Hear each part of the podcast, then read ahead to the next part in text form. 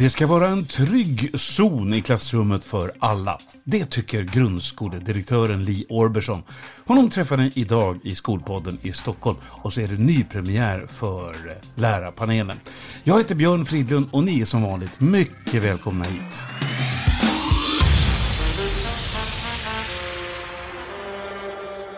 Ja, då är ni ju såklart otroligt välkomna till Skolpodden i Stockholm som den här gången, liksom många andra gånger, har fint besök. Och den här gången så är det i form av grundskoledirektören i Stockholm, Li Orbersson. Välkommen! Tack så mycket. Ditt namn klingar amerikanskt på något sätt. Ja, det har amerikansk bakgrund på min eh, pappas sida. Och när vi nu ändå har det här så vore det kul att höra lite grann hur eh, du hade det i skolan? Ja, jag var nog en, en uh, rätt tyst och, och uh, lugn uh, kille i klassrummet. noga med att göra läxor och, och liksom göra det man, man skulle göra. Men vad brann du för som, som elev? Vad tyckte du var kul i skolan? Vilket ämne kände du att... Det, det Nej, jag har alltid, alltid gillat historia och språk har jag alltid haft lätt för och haft ett intresse för. Um, och så det har jag burit med mig mycket.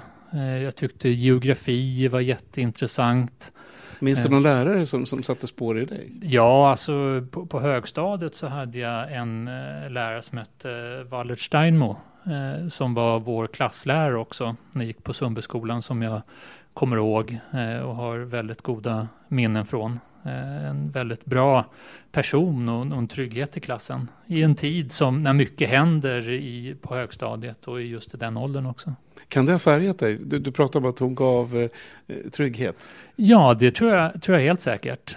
Jag tror att man, man har jättestor påverkan och därför är det så fantastiskt att vi har så många goda förebilder och, och flera av dem har ju varit med i din podd tidigare mm. också där andra personer har lyft det här och just det visar ju också på vikten av av, av liksom lärarens roll och den här vuxna personen för, för en barn och ungdom.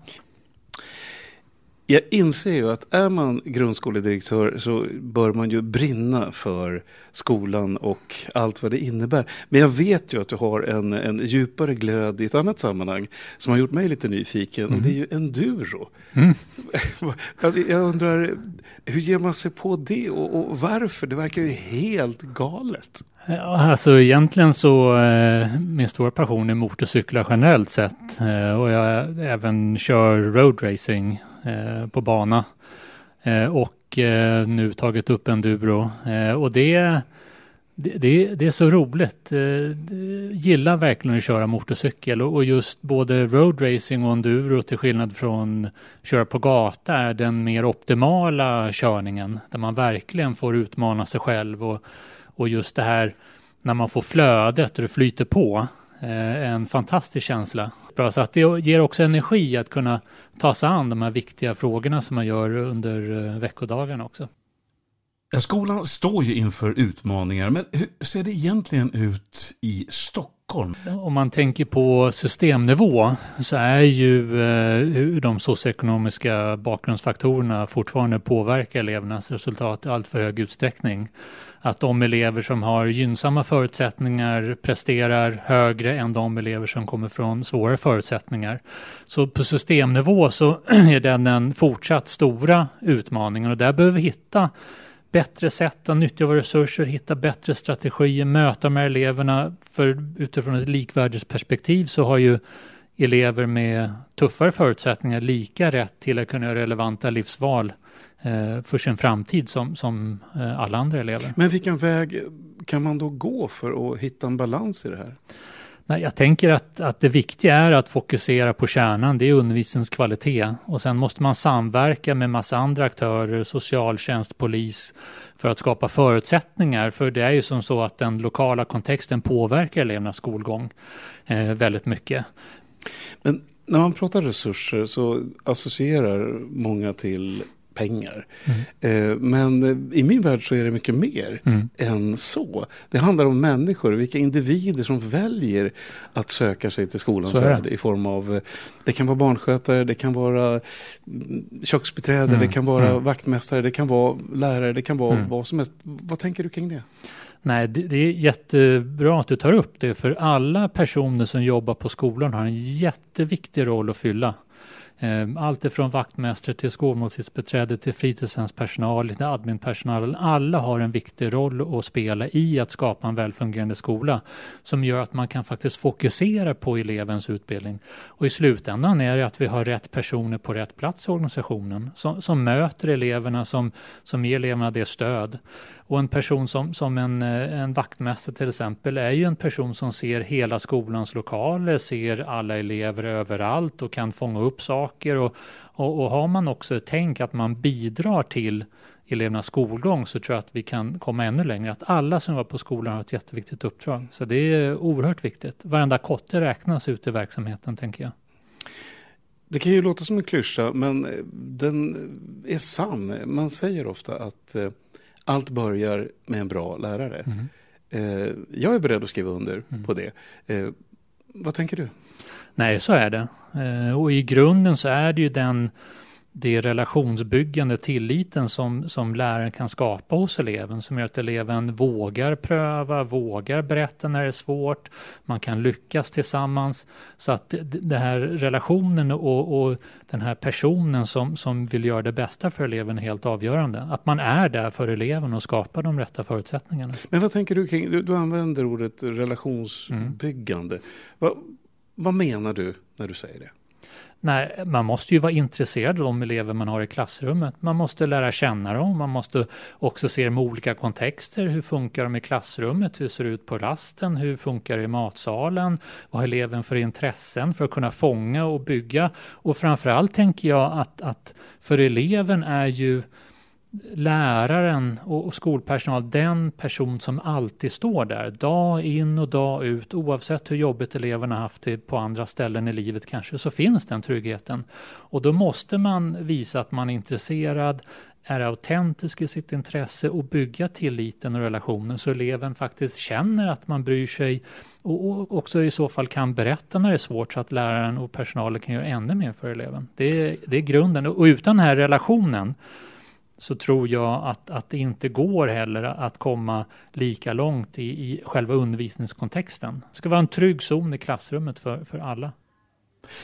Ja, vi ska ta och titta lite grann i backspegeln och då tänker jag på hur det var i eh, Stockholmsskolorna under pandemin. Och det ska ni veta att det är en grundskoledirektör som är mycket stolt över det arbete som lades ner. Jag tänker, när jag tänker tillbaka så tänker jag att jag är oerhört stolt över hur vi lyckades möta den här pandemin. En situation som vi alla hade ställt oss, ställts inför tidigare. Och hur vi lyckades hålla verksamheterna öppna trots personalfrånvaro, ett fokus på eleverna och i den här onormala situationen så var skolan det normala. Eh, och för mig var det jätteviktigt redan från början inledningsvis i pandemin att skolan ska vara den trygga punkten, det som är normalt i en värld som har vänts upp och ner och det är jag jättestolt över. Och vi ser också på elevresultaten att vi bibehåller en, en stabil resultatnivå eh, under de här, ingen liksom dropp eller någon no höjning utan vi, vi, ligger kvar och det, det ger mig en, en en bra bild av att vi har en robust organisation i grunden.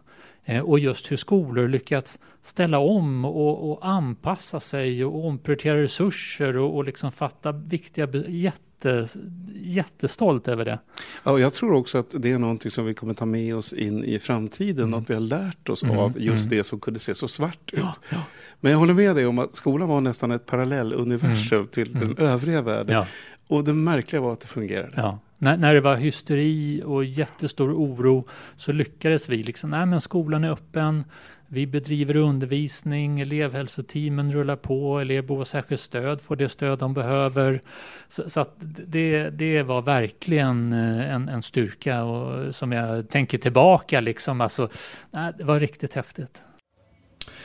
Ja, vi vet ju att det krävs en hel del som vill välja att jobba i skolan. Men frågan är, vad är receptet för att faktiskt locka fler att börja arbeta i skolan? Alltså grunden är ju att, att jobba i skolan och vara lärare och, och annan personal också som jobbar med eleverna är ju bland det viktigaste man kan göra. För det är ju vår framtid, att ge rätt förutsättningar, möjligheter, att eleverna får vara de individer de har rätt att vara eh, är ju det viktigaste man kan göra och, bara en sån sak att, att hjälpa ett barn att knäcka läskoden.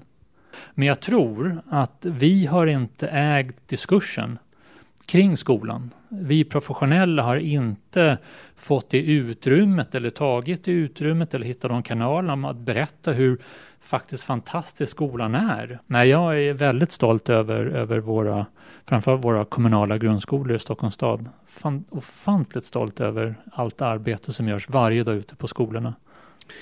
Och den som är så otroligt stolt över det här, det är alltså grundskoledirektören själv. Tack så jättemycket för att du tog dig tid att vara med i Skolpodden Tack själv och tack för ett eh, väldigt fint samtal. Tack. Och det där det betyder att det är dags för lärarpanelen att göra comeback. Och en av de två som utgör lärarpanelen den här gången har varit med tidigare och det är Anna Bergqvist ifrån Blackebergs gymnasium. Men vi har en debutant också och han kommer ifrån Rågsveds grundskolor och han heter Jimmy Jansson och du är naturligtvis mycket välkommen hit. Tack så hemskt mycket. Din bakgrund lite kort och var kommer du ifrån? Eh, min bakgrund? Eh, ja, att jag har varit lärare i 20 år snart gjort en massa andra saker innan dess. Eh, men just nu så jobbar jag i Rågsved, Rågsveds grundskola. Och så har vi Anna. Som ska få presentera sig själv. Så du gör comeback kan man säga. Yes. Det är jätteroligt att du är med igen. Ja, men det är jätteroligt att vara med. Ja, härligt. Tack. Berätta lite kort bara, för alla känner ju inte igen dig från förra gången. Så att, eh, du får berätta lite grann vad du gör. För du är kvar på samma skola. Jag är kvar på samma skola, också sedan över 20 år. Eh, jag jobbar som lärare i svenska och religion på Blackebergs gymnasium. Eh, och ja, jag var med förra året. Och första ämnet det är faktiskt olika delar av stan. Och då kan man fundera över vad, vad det kan tänkas betyda. Men ni representerar ju två olika skolor från olika områden. Om man nu ska använda det uttrycket. Jag, jag vet inte, jag gillar inte det riktigt. Områden, vad betyder det? Det är bara konstigt. Vad säger ni? Ja, alltså det här eh, kan jag eh, tror jag ett ämne som jag kan gå igång på, men det eh, är ju synd och skam att säga något annat än att eh, skolvärlden är oerhört segregerad. Och att det eh, på, på gott och ont såklart, men att det, att det finns en stor skillnad i både läraryrket och framförallt i hur det är att vara elev tror jag, beroende på var man är någonstans. Och det representerar vi kanske två olika Får man säga. Jag håller fullständigt med dig att det är stor skillnad. Men vad, vad, ska man göra för att plana ut det där? Eller balansera det? Det finns ju eh, de som faktiskt tycker att det är verkligen någonting som politiker behöver ta tag i. Men det har inte hänt så mycket. Va, va, vad ska man göra? Återinföra en närhetsprincip i gymnasieskolan, eh, tycker jag. Och nu eh, irriterar jag säkert en väldig massa människor, men jag, jag kan inte se poängen i att, eh, att elever ska behöva åka, kanske framförallt de då som har störst behov av en eh, skola och som på olika sätt eh, är eh, svagpresterande eller har eh, svagare stöd som kanske också eh, behöver kämpa med att resa lång väg till en skola som de inte har valt att, att gå på eh, och ser sin eh, plats eh, i närheten tas av någon annan helt enkelt. Mm. Nej, jag har problem med det. Precis det där var alltså eh, före detta skolministern Lina Axelsson Kilblom inne på. Fast hon hade lite olika synpunkter beroende på vilket sätt hon uttalade sig. Dels som privatperson nästintill och dels som minister. Aningen provocerande. Men det var som så att din rektor Marco Anderoth skickade faktiskt en eh, fråga till henne om eh, hur man skulle kunna jämna ut dessa skillnader mellan skolor med olika socioekonomiska förutsättningar? Eh, ja, du frågade ju hur vi ska, vad man ska göra. Eh, jag kan referera lite till eh, en ledarskribent i DN, jag behöver inte nämna några namn, men som har skrivit ganska mycket om, om skolan på senare tid, från sommaren och framåt. Hon skrev en gång att det behövs väldigt mycket extra satsningar på utanförskapsområden och inte små duttsatsningar som är ganska vanligt när det gäller skolan. Utan måste vara längre och pågående under liksom inte bara ett läsår eller några månader utan det måste fortgå en längre tid. För att vårt kompensator, kompensatoriska uppdrag, om vi ska kunna fixa det, eh, eftersom jag eh, har jobbat, där jag jobbar nu ungefär fem år, eh, och vi kan ju jämföra med andra skolor jag jobbat på. Eh, och om man pratar om var de elever som jag har nu, var de ligger någonstans när det gäller eh, läsförståelse till exempel, mm. så är det en alltså, gigantisk skillnad på, eh, på tidigare skolor jag jobbat. Och då gör ju det här kompensatoriska uppdraget eh, mycket svårare helt enkelt. Men har verkligen geografin med det att göra? Var skolorna ligger? Ja, det har väl med... Stockholm är ju en segregerad stad så det är klart mm. att det mm. påverkar. Men jag, jag, tycker att vi pratar också för lite om, om så socioekonomins eh, betydelse i andra frågor än bara i, i Ehm, skolan är ju så mycket mer än, än, än, vad man kan prestera i skolämnen. Jag tänker att jag jobbar ju i ehm, ja, raka motsatsen eh, mot du. Jag har elever som är oerhört högpresterande när de kommer. Många av dem eh, kommer med, med högsta betyg i alla ämnen för att komma in överhuvudtaget. Men de kommer ju också från eh, socioekonomiskt eh, starka hem. Vilket gör det svårt, eh, om vi nu tänker att det ska finnas ett fritt skolval för att du ska kunna röra dig eh, fritt över klassgränser och över socioekonomiska gränser så är det ju ändå väldigt svårt att komma in i en sån mm. miljö som högpresterande elev från ett område där man inte har med sig alla de andra delarna. Och det, jag tror igen, en, en närhetsprincip skulle i alla fall råda bot på de mm. delarna. Eh, men, men vad tänker ni, alltså, du, du använde uttrycket dutt-insatser. Mm. Alltså, är det ett tecken på att den eh, politiska viljan eller viljan från styrande bestämmande inte finns? Jag tror säkert att det finns, men jag tror inte att de riktigt förstår vad som behövs. Det är vad jag tror. Varför förstår de inte då? För att kanske vi inte har varit riktigt tydliga med det kanske. Vi som eh, lärarkår eller fack eller någonting. Jag vet inte. På något sätt så har det ju inte gått fram. Men, men kan, det, kan det finnas ett sånt inslag att man accepterar läget och, och, och gillar det på något konstigt sätt? Alltså, eller hur, hur, kan man tänka där? Alltså för att, eh, du har ju en annan situation, eller ni har en annan situation i din skola i Rågsved mm. än vad Anna har i mm. Bromma. Mm. Så att det, det, alltså, finns det inslaget att man vänjer sig vid ett läge så att det rullar på bara? Nej, jag tror inte det. Jag tror faktiskt inte det. Men eh, jag tror inte man riktigt inser vidden. Alltså, jag bytte till Rågsved för att jag hade jobbat väldigt länge på en annan skola och jag ville ha en, en liten utmaning helt enkelt. Men eh, jag måste säga att jag har, kunde aldrig i min vildaste fantasi förstå vilken utmaning jag fick när jag bytte skola. Kan du ge ett exempel på en riktigt stor utmaning? Ja, till exempel när vi slår upp eh, samhällskunskapsboken till exempel. Eh, och vi får gå igenom sida för sida och förklara eh, kanske eh, halva sidan. Olika, och det gäller ju liksom eh, inte bara de eh, liksom, eh, vad ska man säga, ämnesrelaterade begreppen utan mm. helt eh, vardagliga för någon som har vuxit upp med det svenska språket med två eh, svenskspråkiga föräldrar till exempel som har läst sagor för barnen och sådana saker till exempel. Eh, det är en jättestor utmaning. Om vi ska runda av den här delen av um, just lärarpanelen så tänker jag att vi borde skicka vidare något sorts budskap, en frågeställning till de styrande som de ska få chansen att svara på. Vad skulle det kunna tänkas vara? Om du börjar med den tanken, Anna. Ja, då ska jag lämna mitt närhetsprincipen då, eh, eftersom jag tycker att jag har gjort den eh, färdig.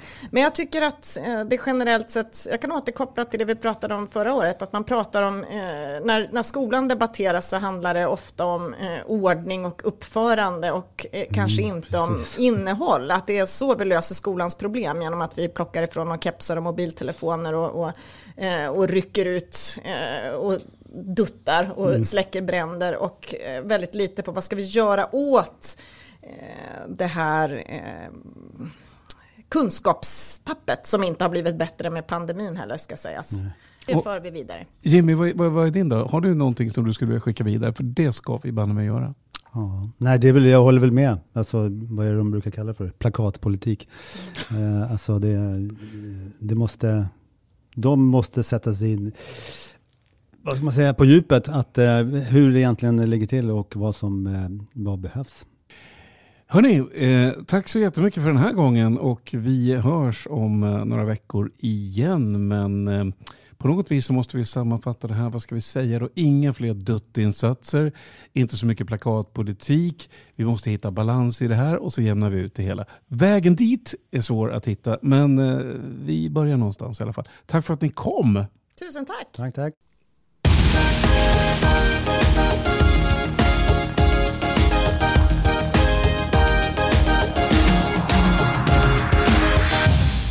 Det ska vara en trygg zon i klassrummet för alla, tycker grundskoledirektören Li Orbersson som var gäst idag. Hörni, inget duttsatsningar i skolan, tycker lärarpanelen och i alla fall Jimmy Jansson. Vi hörs snart igen i Skolpodden i Stockholm. Björn Fridlund heter jag. Hej då!